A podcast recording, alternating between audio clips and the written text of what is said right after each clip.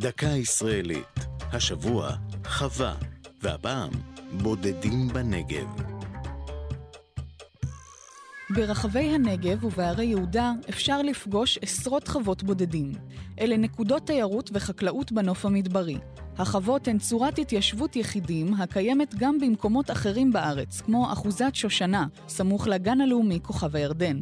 מקימה היה מפקדה הראשון של סיירת הצנחנים, מאיר הר ציון. בכל חווה מספר מועט של מתיישבים, והן מתפרסות על פני שטחים נרחבים.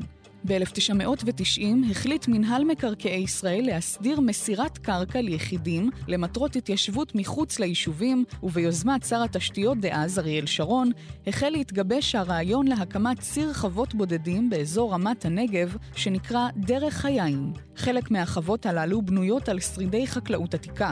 בחוות כרמי אבדת, למשל, גפנים הנטועות על שרידי כרם קדום בין 1,500 שנה. אולם על פי חוות דעת של המשרד להגנת הסביבה ושל ארגונים סביבתיים, החוות עלולות לפגוע בשטחים הפתוחים. יתר על כן, נטען כי החוות בנגב מפלות בין יהודים לבדואים, אולם עתירות שהוגשו לבג"ץ בסוגיה זו נדחו. זו הייתה דקה ישראלית על חוות בודדים. כתבה אביב פוגל, ייעוץ הפרופסור מעוז עזריהו, הגישה גל אשד.